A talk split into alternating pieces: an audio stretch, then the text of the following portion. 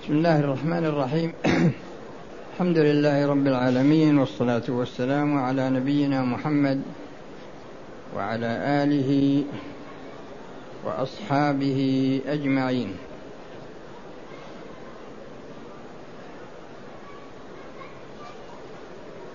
أما بعد فقد وقفنا على القاعدة السابعة والأربعين.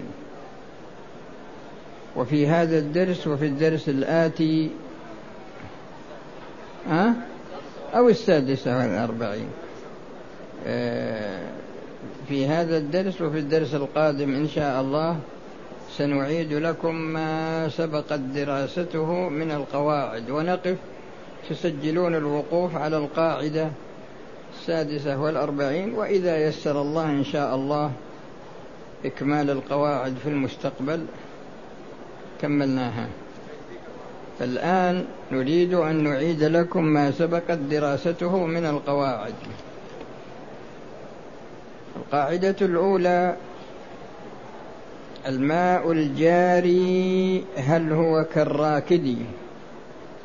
أو كل جرية منها منه لها حكم المنفرد. المقصود من هذه القاعدة هو أن الماء الجاري هل هو كالرادي يعني مجموع الماء الجاري كله من أوله إلى آخره وذلك من أجل الحكم عليه بالنجاسة. إذا بلغ قلتين أو يعني صار أكثر من قلتين فأكثر وهكذا إذا لم تغيره النجاسة.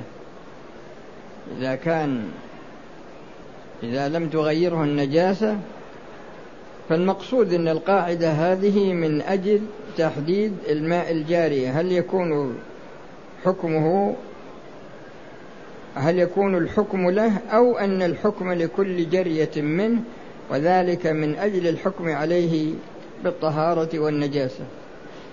قاعدة التي بعدها الثانية شعر الحيوان. في حكم المنفصل عنه لا في حكم المتصل وكذلك الظفر.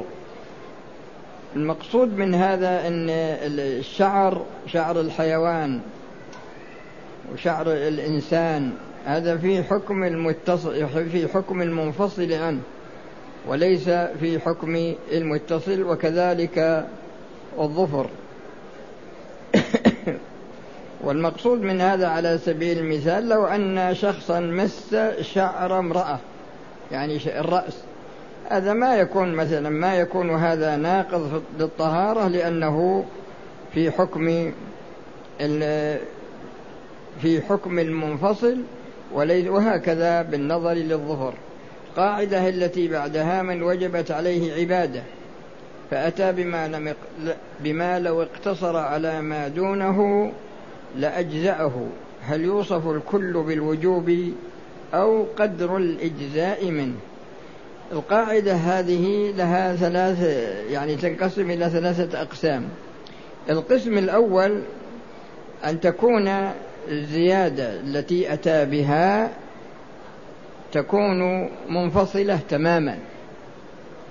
تكون منفصلة تماما. فمن وجب فمن نذر أن يتصدق بعشرين صاعا لكنه تصدق بثلاثين. فالعشرة الزائدة على العشرين هذه منفصلة تماما. هذه الزيادة ليست في حكم المزيد عليه. هذه الزيادة ليست في حكم المزيد عليه. بمعنى أن المزيد عليه لو أنه حصل فيه خلل يمنع من اعتباره وأراد أن يأتي ببدله فإنه يأتي بالمزيد عليه والزيادة لا تلزمه. هذه هي الفائدة من القول بأن المزيد منفصل عن الزي... بأن الزيادة منفصلة عن المزيد عليه. هذا القسم الأول. القسم الثاني أن تكون الزيادة ممتزجة. نذر كبشا نذر أن يذبح كبشا عمره سنة. لكن ذبح كبشا عمره أربع سنوات. ثم تبين فيه خلل يمنع من إجزائه فإنه إذا إذا أراد أن يأتي ببدل فإنه يأتي ببدل عمره ست أربع سنوات. لأن الزيادة هنا ممتزجة وليست منفصلة. القسم الثالث تكون متصلة من وجه وممتزجة من وجه متصلة من وجه ومنفصلة من وجه آخر. يعني هي ليست ممتزجة. فالإمام عندما يركع في الصلاة ويأتي. ويأتي المسبوق ويدركه في آخر ركوعه ويكبر ويركع ويطمئن ثم بعد ذلك يرفع الإمام رأسه من الركوع هذه الزيادة إذا نظرنا إليها وجدناها سنة في حق الإمام لكنها أصبحت ركنا في حق المأموم بمعنى أننا حكمنا بإدراكه الركوع لقوله صلى الله عليه وسلم من أدرك الركوع فقد أدرك الركعة. ولقوله صلى الله عليه وسلم إذا وجدتمونا ركوعا فاركعوا. وإذا وجدتمونا سجودا فاسجدوا ولا تعدوها شيئا. فهذه يعني هذا هو القسم الثالث.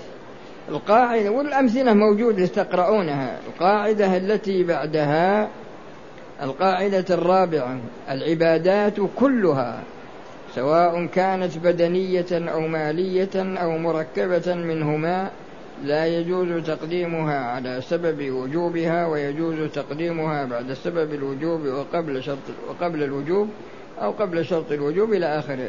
القاعدة هذه تنقسم إلى ثلاثة أقسام والمقصود منها قسم واحد. الإنسان إذا فعل العبادة قبل سبب الوجوب وقبل شرط الوجوب يعني شيئين قبل سبب الوجوب وقبل شرط الوجوب. كمن أخرج زكاة ماله قبل كمال النصاب وقبل تمام الحول. قبل كمال النصاب هذا هو السبب وقبل كمال الحول هذا هو الشرط. فقدم الزكاة قبل سبب الوجوب وقبل شرط الوجوب. هذه العبادة لا تصح مطلقا. وكمن كفر عن يمين يريد أن يحلف. هو يريد أن يحلف ولكنه كفر قبل الحلف.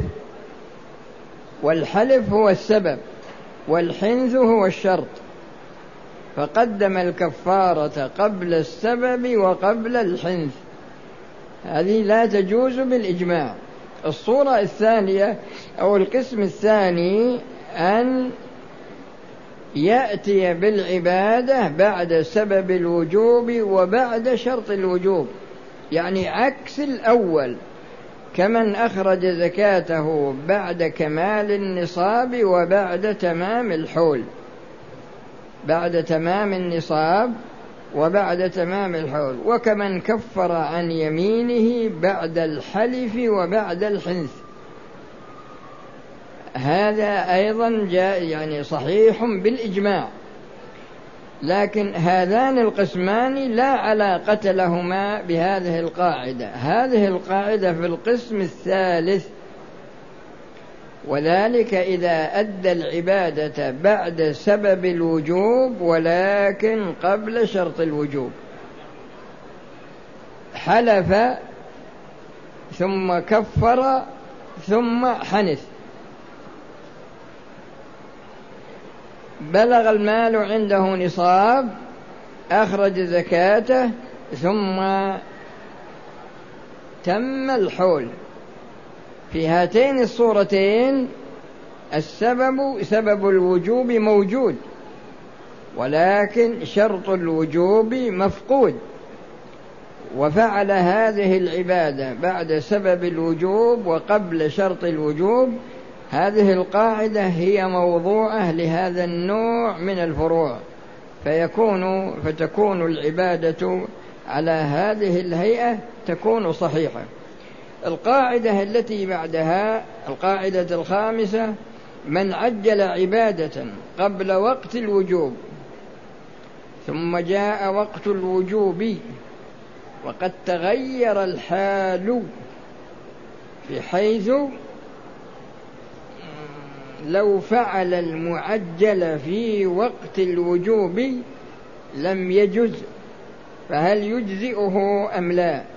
من عجل عبادة قبل وقت الوجوب ثم جاء وقت الوجوب وقد تغير الحال بحيث لو فعل المعجل في وقت الوجوب لم يجزئه فهل تجزئه أم لا؟ القاعدة هذه تعتبر من ثمرة الخلاف في القاعدة التي قبلها. إنسان حلف حلف. انعقد السبب لكنه لا يستطيع العتق ولا يستطيع آه، الكسوة ولا يستطيع الإطعام لكن يستطيع الصيام فصام. صام قبل الحنث. لما حنث صار قادرا على دفع آه، الإطعام أو دفع الكسوة أو العتق. فلما قدم العبادة بعد سبب الوجوب ثم جاء وقت الوجوب تغيرت الحال. هذه صورة. هذه صورة ثانية. دفع الزكاة بعد تمام النصاب. يعني عنده مثلا مليون ولا عشرة ملايين أخرج زكاتها بعد سبب الوجوب وقبل شرط الوجوب. لما جاء وقت الوجوب صار الشخص الذي دفعت إليه الزكاة تغيرت حاله. يعني مسلم ثم ارتد مثلا أو فقير ثم صار غنيا أو ما إلى ذلك. ففي هاتين الحالتين سواء يعني فما دام فما دام أن الشارع أذن له في العمل فإن العبادة تكون صحيحة. القاعدة السادسة إذا فعل عبادة إذا فعل عبادة في وقت الوجوب. إذا فعل عبادة في وقت وجوبها يظن أنها الواجبة عليه. ثم تبين بأخرة أن الواجب كان غيرها. إذا فعل عبادة في وقت وجوبها يظن أنها الواجبة عليه ثم تبين بعد ذلك أن الواجب كان غيرها. آه، الشخص عندما يكون عاجز عن الحج يكون عاجزا عن الحج. مقعد. ثم أناب غيره. ثم أناب غيره. ثم بعد ذلك عافاه الله. قد تكون العافية في أثناء أداء العبادة وقد تكون العافية بعد أداء العبادة. فهل نقول إن نيابته إن إنابته لهذا الشخص لا تصح أو نقول إن هذه الإنابة صحيحة ويكون معذورا. أو أن شخصا أيضا في الكفارات المرتبة مثل كفارة الظهار. عتق رقبة فإن لم يجد يصوم شهرين متتابعين فإن لم يستطع يطعم ستين مسكينا. وكذلك كفارة الجماع في نهار رمضان. العتق فإن لم يستطع فصيام شهرين متتابعين فإن لم يستطع فإنه يطعم ستين مسكينا. إذا عجز عن العتق وعجز عن الصيام ثم بعد ذلك أطعم ثم عافاه الله. صار قادرا على الصيام. هل نقول إنه يرجع ويصوم أو نقول إن الكفارة كافية والجواب يقال له إن الكفارة كافية. القاعدة است...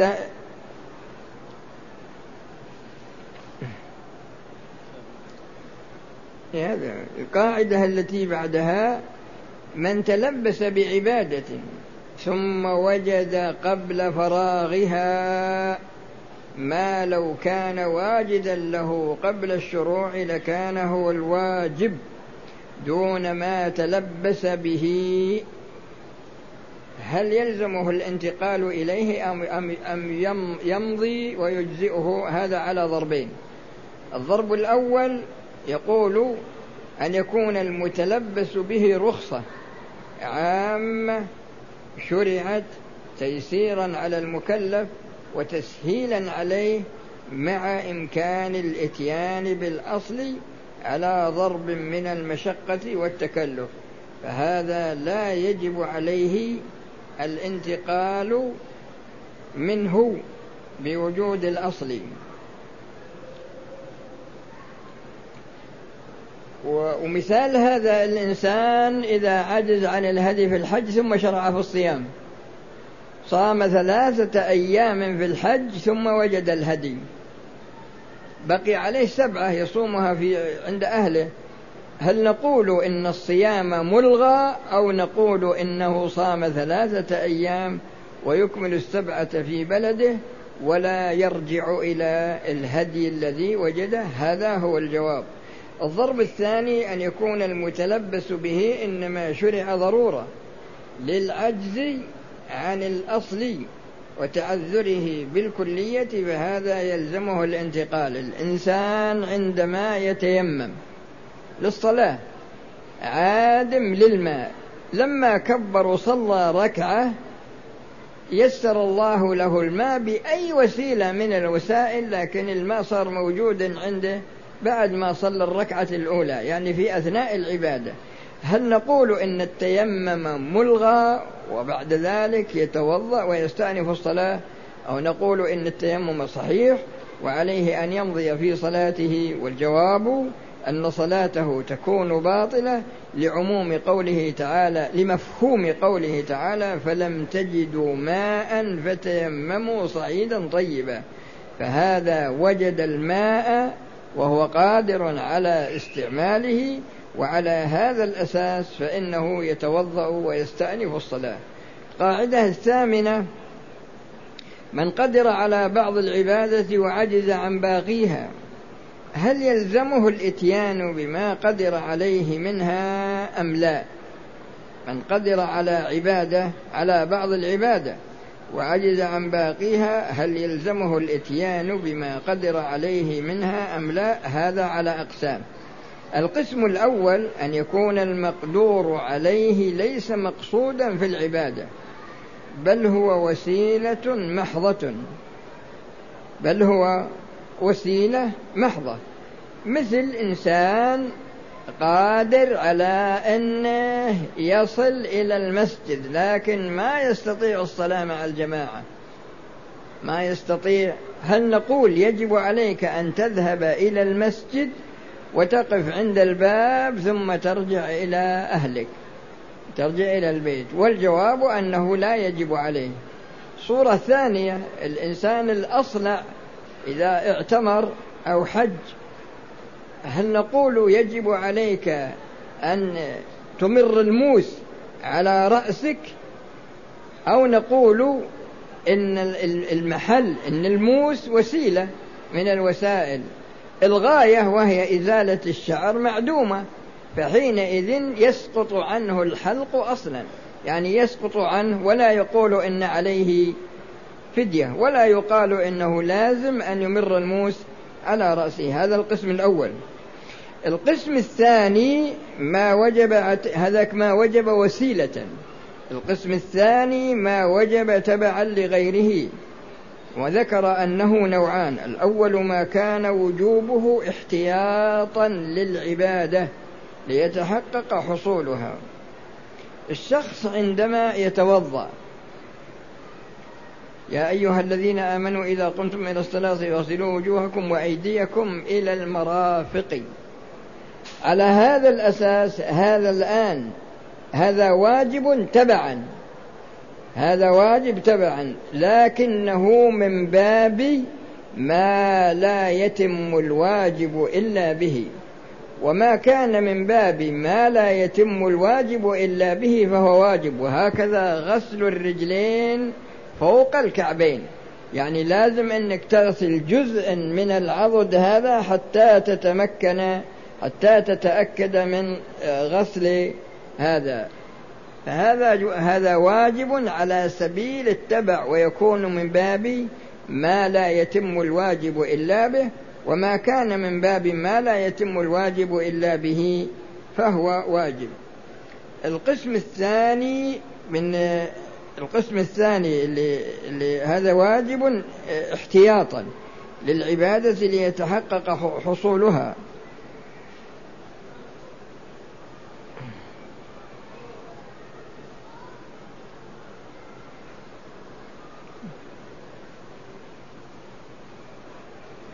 وبعدين وكذلك الإنسان مثلا إذا قطعت يده إذا قطعت يده إلى المرفق هنا هل نقول لازم أنك تغسل الجزء المتبقي ولا ما تغسله؟ نقول إنك لا تغسله لأن الغاية ماذا؟ لأن الغاية سقطت فيسقط هذا تبعها. القسم الثالث ما هو جزء من العبادة وليس بعبادة في نفسه بانفراده أو هو غير مأمور به لضرورة. فالأول آه، كصوم بعض اليوم يعني يستطيع أن يصوم من الصبح إلى الظهر لكن ما يستطيع يصوم من الصبح إلى الليل. لكن هل نقول هذا داخل في عموم قوله تعالى فاتقوا الله ما استطعتم صم إلى الظهر ولا جاء الظهر أفطر؟ لا نقول له ليس عليك الصيام يعني الصيام ساقط عنك في هذه الحالة. والثاني كعتق بعض الرقبة. الرقبة مثلا تسوى عشرة آلاف ريال لكن عندها أربعة ولا ثلاثة. هل نقول يلزمك أن تعتق جزءا من الرقبة بقدر ما عندك من المال؟ لا. نقول إن هذا ليس بواجب عليك. القسم الرابع ما هو جزء من العبادة وهو عبادة مشروعة في نفسه. فيجب فعله عند تعذر فعل الجميع. هذا يندرج فيه قول الرسول صلى الله عليه وسلم صل قائما فإن لم تستطع فقاعدا فإن لم تستطع فعلى جنب. فعلى جنب. فحينئذ هذا يعني يسقط عنه الشيء هذا. وكذلك الإنسان إذا إذا لم يجد الماء ولم يجد ترابا. ما وجد ماء ولا وجد ترابا فإنه يصلي. وتكون وتكون ماذا؟ وتكون صلاته صحيحة. لأن هذا داخل في عموم قوله تعالى آه، فاتقوا الله ما استطعتم. القاعدة التي بعدها القاعدة التاسعة في العبادات الواقعة على وجه محرم. كان التحريم عائدا إلى ذات العبادة على وجه يختص بها يصح هذا أقسام. القسم الأول إذا ورد نهي إلى ذات العبادة مثل النهي عن صوم يوم العيد. مثل النهي عن صوم يوم العيد.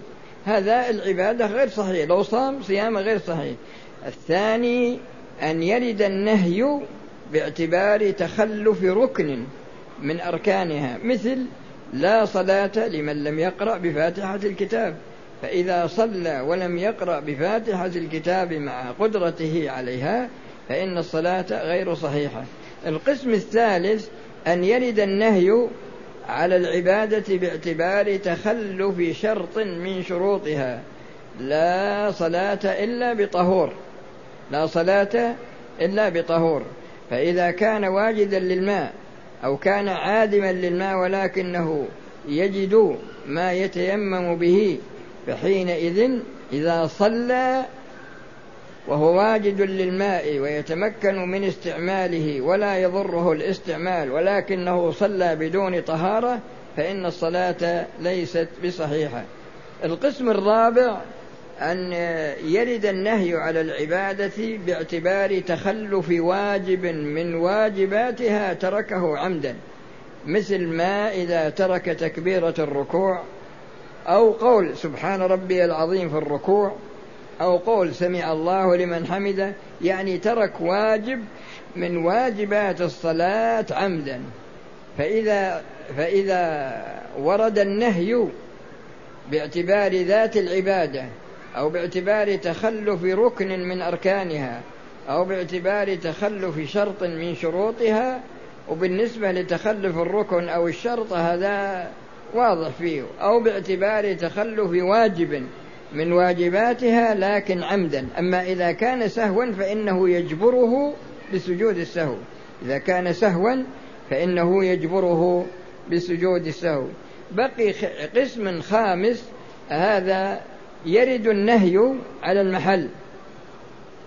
يرد النهي على المحل ويرد الأمر مثل إنسان مثلا صلى في أرض مغصوبة فالنهي فالغصب منهي عنه والصلاة مأمور بها فهذا يعني ورد النهي على العبادة باعتبار وصف من الأوصاف لا باعتبار ذاتها ولا باعتبار تخلف ركن أو شرط أو واجب ولكنه باعتبار وجود صفة منهي عنها وهي الغصب. فإذا صلى في هذه الحال هل تكون صلاته صحيحة أو ليست بصحيح؟ هذه محل خلاف بين العلماء وعلى هذا الأساس منهم من صححها ومنهم من لم يصححها.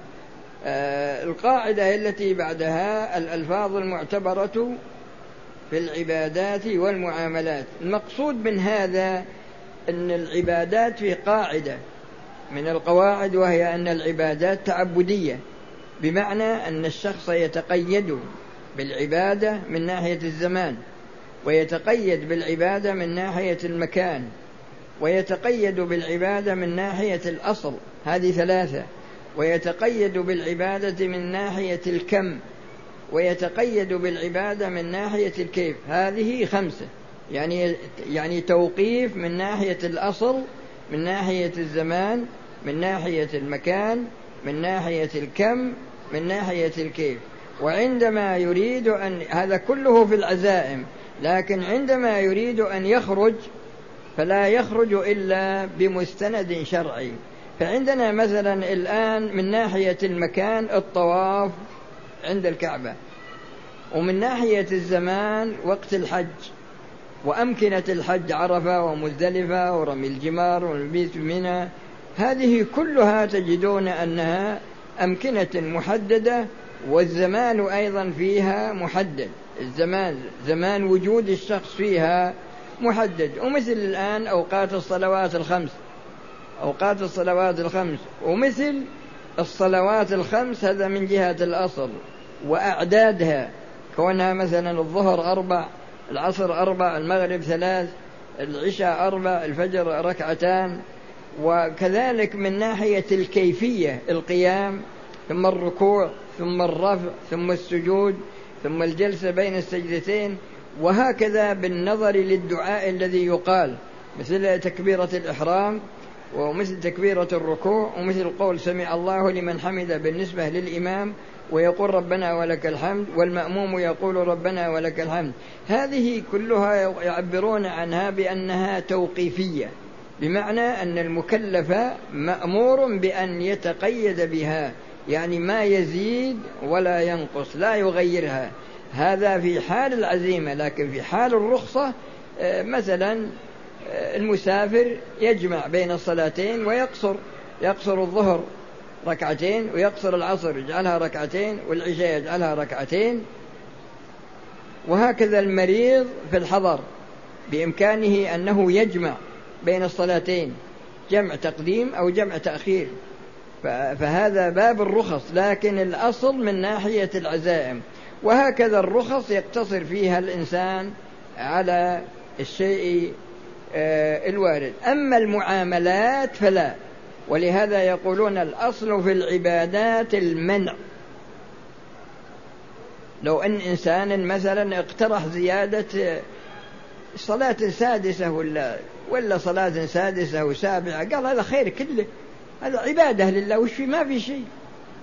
يعني يقترح أو أضاف إلى الظهر زود ركعة قال هذا زود خير.